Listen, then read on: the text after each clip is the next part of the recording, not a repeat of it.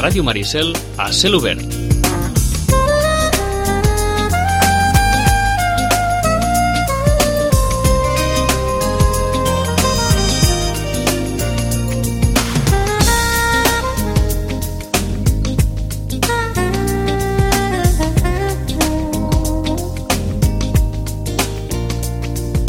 Doncs què millor que asseure's a la fresca, reposar, obrir un bon llibre, tenir alguna cosa líquida a prop i bé, i passar l'estona. Rosana Lluc, bon dia. Hola, molt bon dia. Què millor, eh? Què millor, què millor, eh? arriba arriba l'estiu, arriba doncs un, un dels moments clàssics de, de lectura. Hem passat ja les, eh, les ebullicions de Sant Jordi, oi?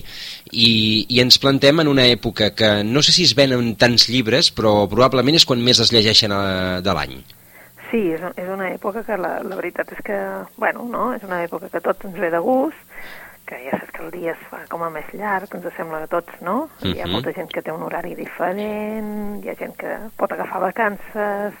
Bé, jo crec que hi ha més estones que, que ens ve de gust, doncs, allò, no? Estar asseguts Mhm. a la fresca llegint un bon llibre. Uh -huh. Acompanya, acompanya el, el clima, acompanya doncs, eh, tot plegat doncs, per eh, distreure's i per fins i tot imbuir-se en, una, en una, bona, una bona lectura. Eh, tot, i, tot i això, és, un, és una època que, que es venen, que surten més llibres o, o, és, o els llibres ja la gent els té mig, mig recopilats? Uh, bé, hi, hi ha gent que eh, aquest primer mes, el mes de juny, després el juliol que ja estem ara, doncs ja, ja sembla diferent, però el mes de juny sí que és veritat que sembla que encara tinguem molta bossa de Sant Jordi, no? Allò, el Mhm. típic que t'has comprat tota una pila de llibres, passa que ara això diguéssim que és bastant irregular i sí que tots tenim una pileta, Mhm. però clar, és que han començat a sortir unes novetats que, doncs, que fan que la gent potser tingui més ganes de dir, bueno, a veure, de què parla això o això m'interessarà més, no? Uh -huh. Juliol, a mitjans de juliol és quan s'acaba el tema novetats, de, de sortir novetats de, de part dels editors.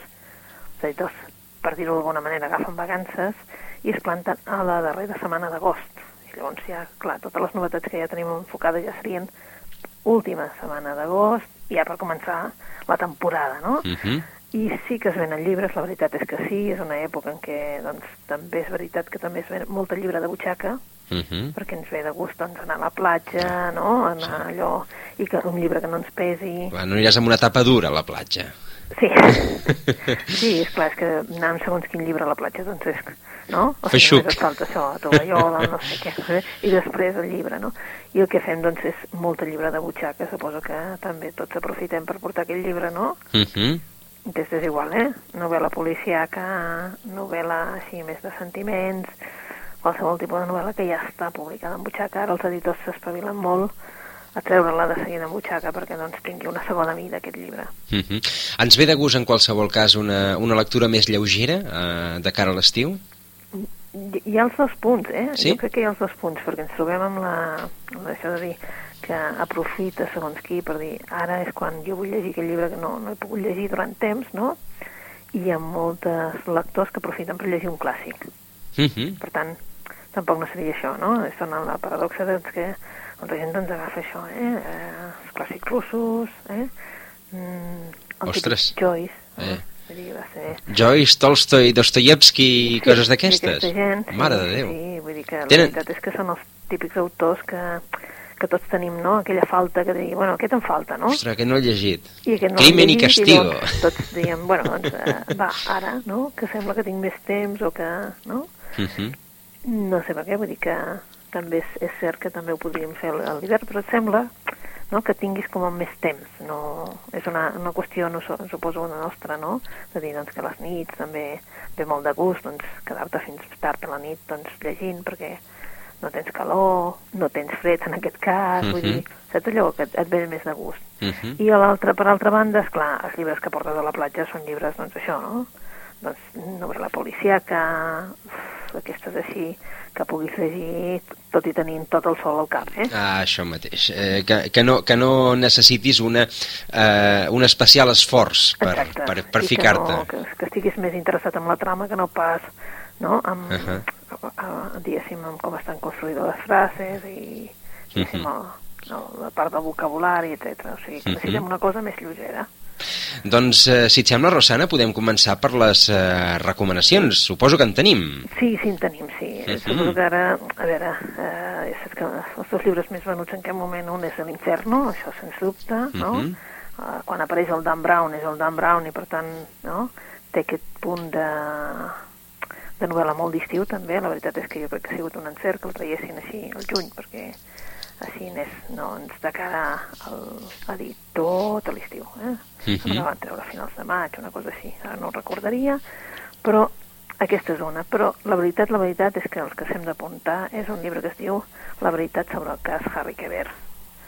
Eh, bé, eh, acaba de venir l'autor a Barcelona, se n'ha fet eh, molta publicitat a, a la premsa, però és un autor per apunteu-se'l. La veritat sobre el cas Harry Quever, del Joel Dicker, ha sigut doncs, un, una, saps allò, una cosa inesperada dins Mhm. d'aquest món, vull dir, d'aquest món de la literatura.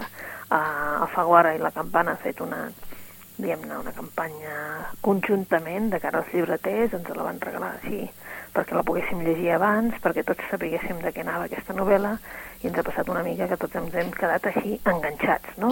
Ahà. Enganxats, sí, perquè és una novel·la d'intriga, és una novel·la en la que també és una novel·la que pretén ser, doncs, una novel·la amb un, diguéssim, no només amb intriga, sinó també en qüestions de literatura, i clar, és un escriptor fent d'investigador i alhora escrivint una novel·la, Uh -huh. en la qual cosa doncs, això fa que la novel·la estiguis intrigat des de la primera plana.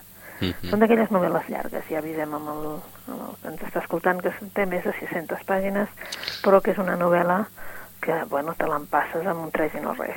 Uh -huh. El Harry Quever representa que és un professor universitari, un professor universitari que tindrà una, un alumne, eh, el Marcus, Marcus Goldman, que, bé, que arriba a, que li dona una sèrie de consells quan està a la universitat i aquest Marcus Goldman arriba a fer una novel·la d'aquelles mm, que tenen molt, molt d'èxit, però és clar, eh, això és viure en un, un cercle d'esclavisme, perquè clar, si tu tens una novel·la molt d'èxit, segurament, segurament, com en aquest cas li ha passat amb el, amb el Marcus, ha signat per una segona novel·la Uh -huh. i amb un plaç d'entrega.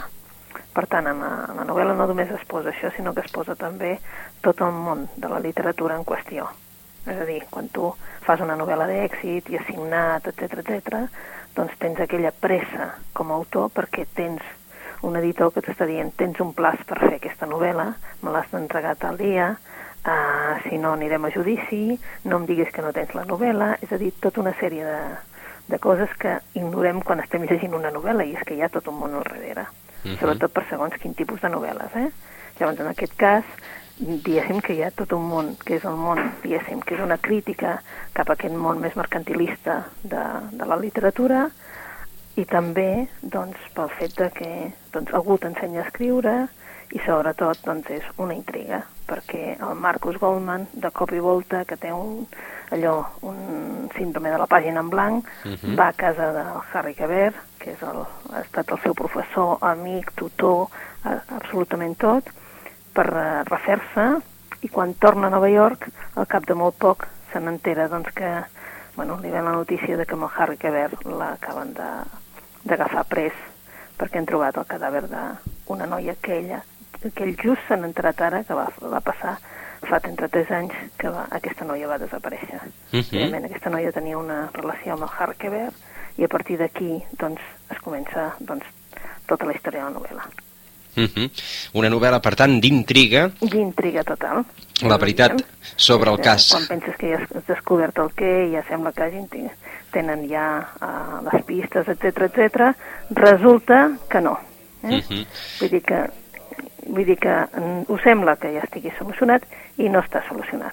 Uh -huh. Aquí el- l'autor Joel Dicker que ha volgut doncs, eh, barrejar aquesta eh, història del propi novel·lista, del senyor Harry Keber, que eh, doncs, ha d'escriure una novel·la però també està investigant Sí, el, eh, el que l'escriu un és cas. el Marcus Goldman. Mhm. eh? És el seu, diguéssim, uh, l'estudiant que ha arribat a escriptor. Eh? Mhm. Llavors, el Marcus Goldman es veu amb la, bé, amb la necessitat de fer un llibre i resulta que el que, va, el que acaba fent és el llibre sobre el cas que està investigant, sobre el seu Mhm. professor.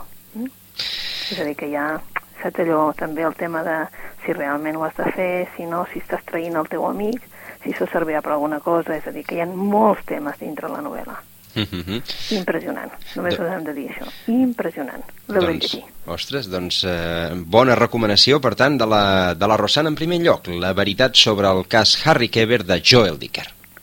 Què més? Què més? Doncs mira, n'hi ha una que va sortir ja a març, per exemple, que s'havia quedat aquí en el tinter, i és una que va publicar Ediciones L'Asteroide. Quan diem asteroide sabem que ha de ser en castellà perquè només n'ha publicat eh, un, tres o quatre en català, però bueno, ho està intentant. I El paraíso inalcanzable de John Mortimer és una novel·la sobre 40 anys eh, de la vida de províncies a Anglaterra, per dir-ho algunes, per, per fer-ho així molt simple. Uh -huh. Um, el paraíso inalcanzable ens presenta doncs, des de la Segona Guerra Mundial fins a l'any 85, que és quan es publica la novel·la, uh, de, clar, doncs, i és la, una, la vida de províncies. Un pastor anglicà, que en realitat és hereu d'una família de cerveses, el Simcoe, el Simon Simcox, uh, resulta que és la vida d'aquest senyor i de tot el voltant de tota aquesta gent que l'envolta. Mhm. Estem parlant d'una vida de províncies, però mm, hi ha des del típic obrer, vale? que és el, el Titmut, que és el que fa de comptable a la cerveseria, que tindrà un paper protagonista el seu fill amb tota aquesta novel·la, però en realitat estem parlant de tota aquesta gent que té doncs, una casa, que té servents, etc etc. És a dir, d'un estatus social i de la de l'Anglaterra més classista. Uh -huh. El paraíso inalcanzable és precisament doncs, això, una novel·la sobre aquests 40 anys d'era Thatcher vist a través d'aquest pastor i, en definitiva, dels seus fills perquè ell tindrà dos fills, el Henry i el Fred. Mhm. El Henry serà el típic fill que heredarà doncs, tot allò que no havia d'haver heredat, és a dir, en comptes de ser socialista, d'esquerres, com és el seu pare, que lluita per totes les causes degudes d'aquelles, eh, saps, d'allò, totes, absolutament, totes Mhm. sempre a favor del poble, ell, el Henry, el que es mou és per diners, vol ser un escriptor d'èxit i el que no pot acceptar és que el seu pare, al morir, hagi deixat totes les accions de la, de la fàbrica de cerveses precisament amb un noi que és el Leslie Titmuth, que és aquell fill de l'obrer, que és el Mhm. comptable de la cerveseria.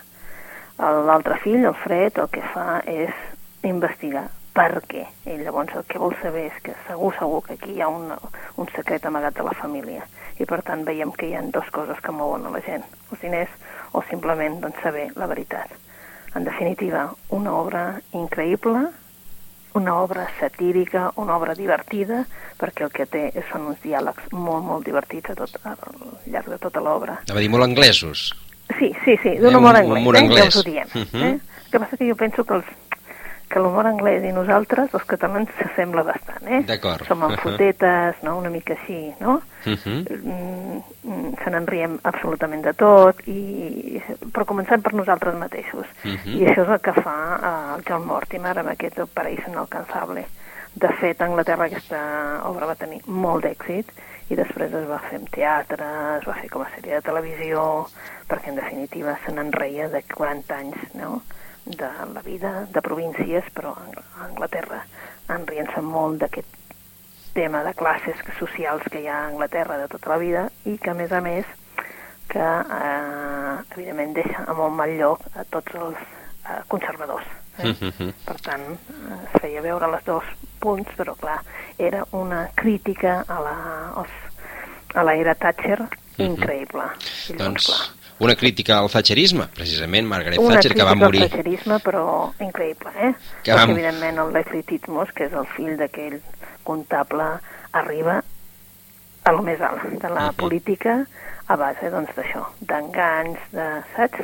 D'acord. D'anar ensarronant a la gent, eh, i clar, veus, bueno, com funciona la política. Mhm. El paraíso inalcanzable, eh, l'autor l'has dit? John Mortimer. John Mortimer. Uh -huh. uh, és, doncs, una altra, la segona de les recomanacions que ens deixa en aquesta maleta d'estiu avui, la, la Rosana. Quina és la tercera?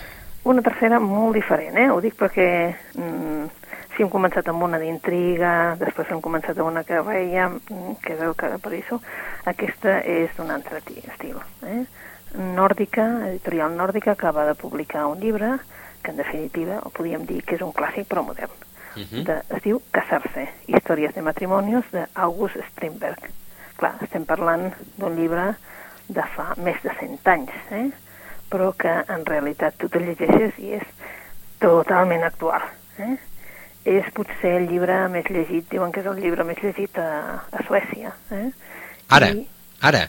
O... Sí, sí, sí, és el de, de l'Strindberg, que és un dels autors clàssics d'allà, és el llibre més llegit, eh? Caram. però eh, com a clàssic, eh? no sí, com sí, a, sí. Eh? perquè mm. la primera part, diguéssim, que es va publicar l'any 1884, eh? i ja tenia 12 històries de matrimonis, eh? I després es va publicar una segona amb els 18, i en total aquí es publiquen 30. I tu dius, bueno, i per què s'ha publicat això ara, no? Doncs s'ha publicat perquè aquesta obra no existia en, traduïda al, ni al castellà ni al català, evidentment, però s'ha publicat en castellà i s'ha publicat perquè es va fer una trobada de traductors suecs eh, a, a Madrid, uh -huh. en el 2012, amb motiu del, dels 100 anys de, de Strindberg, i en definitiva el que van fer va ser un editor que li va proposar, escolteu, hi, hi havia diversos, eh, hi havia el traductor del Mankel, el traductor de l'Ibsen, el traductor de diferents, no? Perquè es feia una d'això de, de traductors, una trobada de traductors de suecs, d'autors suecs a, a castellà. I en definitiva el que va proposar l'autor és dir, escolteu, i per què no traduïm aquesta obra? Mm? Llavors, cada un dels, diguéssim, d'aquestes històries de matrimonis està traduït per un traductor en concret, es posa el traductor Uh -huh. i, clar, cadascú es fa responsable de la seva traducció, diguéssim que no hi ha un traductor general, sinó que cadascú ha traduït un conte. Està bé, això. Per què és interessant aquest llibre? Perquè resulta que és del més actual que et pots imaginar. Strindberg era un reaccionari total. Sí. Era un senyor que en la seva època li deien des de misògin a reaccionari, eh, absolutament, vull dir, el tenien allò com a mar mercadet. Eh, ell mm, se n'enreia de l'Ibsen, se n'enreia absolutament de tots els autors d'allà, li deien misògin, mm, i té una placa fins i tot de que és un misògin, perquè es va atrevir ella a donar les seves opinions sobre el que pensava de l'emancipació de la dona, etc etc. Uh, hi ha un decàleg aquí, diguéssim, del que ell pensava, hi ha una entrevista que li va fer un, diguéssim, un entrevistador en aquella època i en definitiva mm, tu el veus i dius com se va atrevir a fer un llibre en el que en realitat el que és és molt descarnat en la manera de, mm, de parlar-nos dels matrimonis. En definitiva, ell que volia? Doncs fer veure, veure que la societat veiés com eren les relacions de parella i se n'en riu descaradament. D'acord. El que passa que no sé si nosaltres, saps? És a dir, tu El- veus i dius, bueno, mm, sí, Pe- Pel que, pel que explica Rosana, en aqu a l'època no el van entendre i no sabem si l'entendrem ara. sí, sí que s'entén, vull dir que avui dia eh, seria, vull dir que ja estem acostumats a que quan un agafi i disseccioni tota la, la, la relació d'una parella, no? Mhm. Si tu t'ho mires, hi ha parelles que tu t'ho mires i dius, déu nhi no? Però és que en definitiva som nosaltres, cadascú de nosaltres que, no? que potser és una mica difícil de viure amb, amb l'altre, no? I llavors aquí és que ell, la veritat és que ell mateix ens diu que aquest llibre és, doncs, eh, que és que pot ser alhora eh, lleig i, i, i molt maco. Que ets molt cruel, sí, perquè és que dissecciona les relacions de parella, però és que també en aquell moment era molt dur, o sigui, mm, molt descarnat en la manera d'explicar-nos les relacions sexuals de les parelles també. Mhm. I és un llenguatge col·loquial, en definitiva ell va escriure, els, mm, va traduir els contes de- d'Andersen i, i tenia la seva influència i això també saps, es, es nota, però ojo que el que, bueno, és allò és com la vida mateixa, no? Ell dissecciona la vida i ens ho presenta amb uns contes. Mhm. Uh, en definitiva, mm, ell ens deia, a veure, uh, la, la dona i l'home, uh, si són iguals, a veure, què té un home i una dona? Diu, el mínim que podem dir d'un home i una dona és que són iguals. Per què? Tu vas a, al camp i realment l'home i la dona són iguals. Quina diferència té? O sigui, és més dur la dona que va al camp i després se'n va a casa i ha de remenar, doncs, doncs fer la, el menjar, etc etc que l'altre que s'està, doncs, eh, doncs amb, els, amb els porcs i ha d'anar donant menjar als porcs i, i estar-se amb els porcs, diu, sí, és igual. Diu, allà és el, el màxim de, de la, la igualtat entre home i dona. Uh -huh. És aquí, que són una camarilla d'intel·lectuals que feu veure que les relacions entre home i dona són diferents. Són uh -huh. diferents amb una secció de la societat que seria la més alta, diguéssim, la intel·lectual, però que baix tothom és igual. Bueno, té les seves teories, eh? Uh -huh. evidentment les feministes se li van tirar a sobre, uh -huh. algunes no, algunes van dir que en alguns punts tenia raó.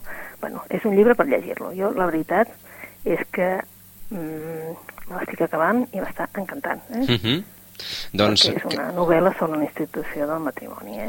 Doncs Casar-se, històries de matrimonios d'August Steinberg, eh, una novel·la escrita o un, un conjunt de contes escrits doncs, eh, fa més de 100 anys que torna a l'actualitat després d'una reunió de traductors de, del suec eh, que es van posar d'acord per cadascun d'ells doncs, traduir un conte i a partir d'aquí doncs, poder eh, en llengua castellana llegir aquests, eh, aquest autor que és, ens comenta la Rosana, el més llegit actualment de literatura clàssica sueca en el seu país.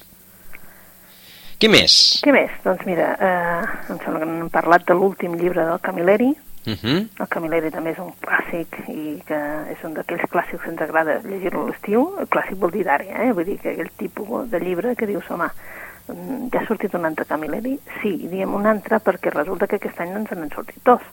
Només portem set mesos i ja n'han sortit dos. Uh, abans de Prolífic, l'home. Em va sortir un Camilleri i ara, just abans de l'estiu, ens en surt un altre. El somriure d'Angèlica Uh -huh. I ara tornem a tenir un Camilleri, doncs, diguéssim, eh? Uh, en aquest cas, doncs, uh, un Montalbano com a ja gran, que se n'adona de que s'ha fet gran, de que, bé, que la joventut ja està molt perduda, que la té molt enrere, que potser doncs, li estan fallant moltes coses, però que el que té assegurat és la, la seva comissaria, la gent de la seva comissaria, perquè ell l'entén com a seva, quan realment doncs, és la gent que treballa amb ell, no? En aquest cas, doncs, eh, la novel·la es diu El somriure d'Angèlica. Uh mhm. -huh. Aquesta Angèlica representaria un amor perdut de joventut, eh, un amor que ell li agradaria retrobar, no?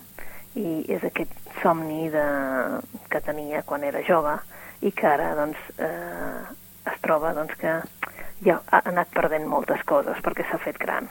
En aquest cas eh, es troba en un munt de casos eh, de robatoris en, en cases residencials que el porten una mica boig eh, i també ajudarà moltíssim el Fazio, que és un dels personatges de, la, de les novel·les del, del Camilleri i en definitiva el que fa en aquesta novel·la és doncs, mm, posar-nos un Savio Montalbano cada vegada més humà en el sentit de que cada vegada ell més, és més conscient de totes les seves no? mancances ja perquè no és que enyori aquella joventut però sí que li agradaria doncs, no haver perdut tantes coses de quan era jove, no? aquells mm -hmm. somnis que tenia, aquella Angèlica que seria el somni que tenia de quan era jove té una referència a l'Angèlica de l'Orlando Furioso, eh? Uh -huh. Ho dic perquè no sabem d'on ve aquesta Angèlica, aquesta Angèlica eh, té com a referències que ens vol fer el Camilleri a l'Orlando Furioso.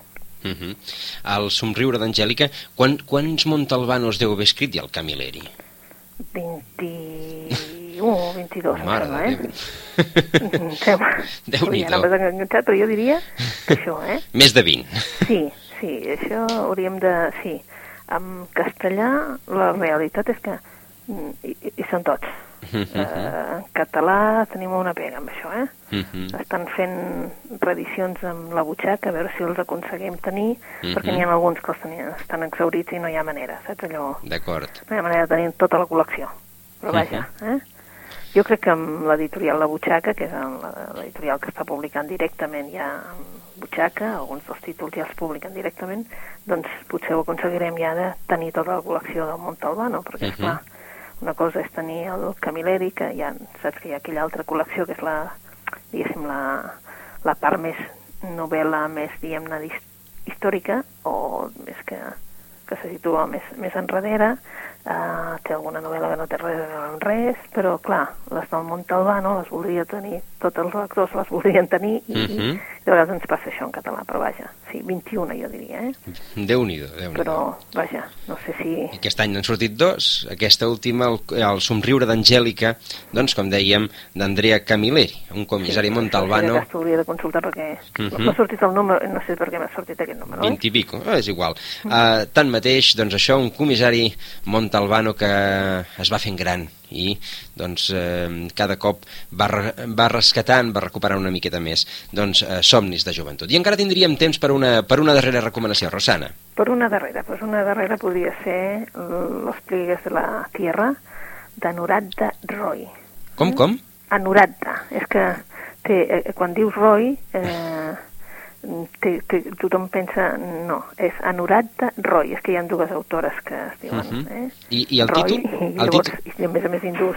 El títol quin has dit? Los pliegues de la tierra. Los pliegues. És que Pliegues, havíem entès sí, los pilares, dic, no, eh? això existeix ja. Eh? Sí, los pliegues de la Los tierra. pliegues de la tierra. Sí. Mhm. És una història una història d'amor, una història de, molt poètica, una història també sobre l'odi, eh? sobre canvis i sobretot sobre la pèrdua i el dol. Eh? Mhm. Quan...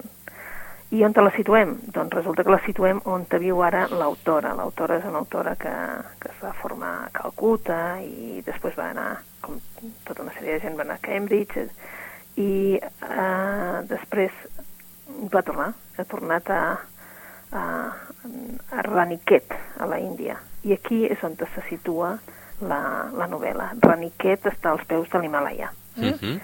Bueno, i és per això que la superfície de la Terra es replega, eh? i dius, doncs per això diem que és eh, aquells plecs de la Terra, perquè ella re- representa, doncs ella ens explica que representa que allà la Terra és com si es replegués, no? Mhm. I per això es, es diu, el, el títol de la novel·la és Los pliegues de la Tierra. Mm? Mhm. Aquesta és l'autora de L'Atlas d'una enyorança impossible, una obra que realment va tindre un èxit eh, rotund, un èxit eh, traduïda a 16 idiomes, una novel·la que fa uns anys es va publicar també, i la va publicar també la mateixa editorial, Salamandra. I ara ens parla, doncs, d'una dona, la Maya, que és el personatge de, central d'aquesta història, i la Maya, doncs, vol deixar enrere, doncs, eh, el dolor d'una pèrdua i doncs vol començar una vida nova i per això eh, accepta la plaça de mestre d'una escola de Raniquet eh? Mhm. que és aquesta és un lloc doncs això doncs, eh, al costat dels peus de l'Himalaya amb la part més boscosa diguéssim eh? Um, després de ja estar allà sis anys eh, doncs, fent de mestre i gràcies també a l'ajuda d'un protector que té, que és el Divan Sabib, que és el que li ha llogat la casa, no? Uh, el Divan Sabib és un, una persona doncs, que ve, diguéssim, de l'aristocràcia hindú i doncs, eh, fa com a, com a mecenes eh, d'ella, la protegeix, per dir-ho d'alguna manera, i per tant ella ja té, ja té com una mica, doncs, de, ja s'ha refet una mica, llavors es troba que hi ha un, una, una noia, la Charu, que és una, una dona del camp, i ella amb molta paciència l'ensenya a llegir i a escriure perquè pugui escriure's amb el seu enamorat. Mhm. La Maia ja sembla que hagi trobat aquella pau, eh? aquella... mm, realment hagi tirat té ja molt enrere la part del dol i de perquè la, la vida quotidiana d'allà doncs representa que doncs ja li ha fet una mica eh, el cor fort eh? però en definitiva arriba un moment que per molt que vulguis has de decidir ja què vols fer en el teu futur i ara d'escollir entre el, el món que va deixar enrere i el lloc que li ha tornat la, la il·lusió de viure i per tant la novel·la és per això que es diu Els plecs de la terra perquè se situa allà i ella és, ha de decidir ha de Mhm. decidir què fa amb la seva vida, si es queda, si no es queda, si torna enrere i és una novel·la doncs això, no? que combina la melanconia, eh, la història aquesta que confirma el lloc eh, d'ella dins de la narració i en definitiva és una novel·la de sentiments eh? que ens agradarà la gent que ens agrada, doncs, sobretot aquells dos novel·les que ens parlen d'una altra cultura, d'un altre lloc i sobretot de, una altra manera d'entendre la vida. Uh -huh. Doncs uh, Los pliegues de la tierra de Nurat de Roy uh, és la darrera de les recomanacions, aquesta uh, novel·la al voltant d'una doncs, altra, com deia la Rosana, d'una altra cultura i de uh, doncs, la tria per uh, acollir una, una nova terra.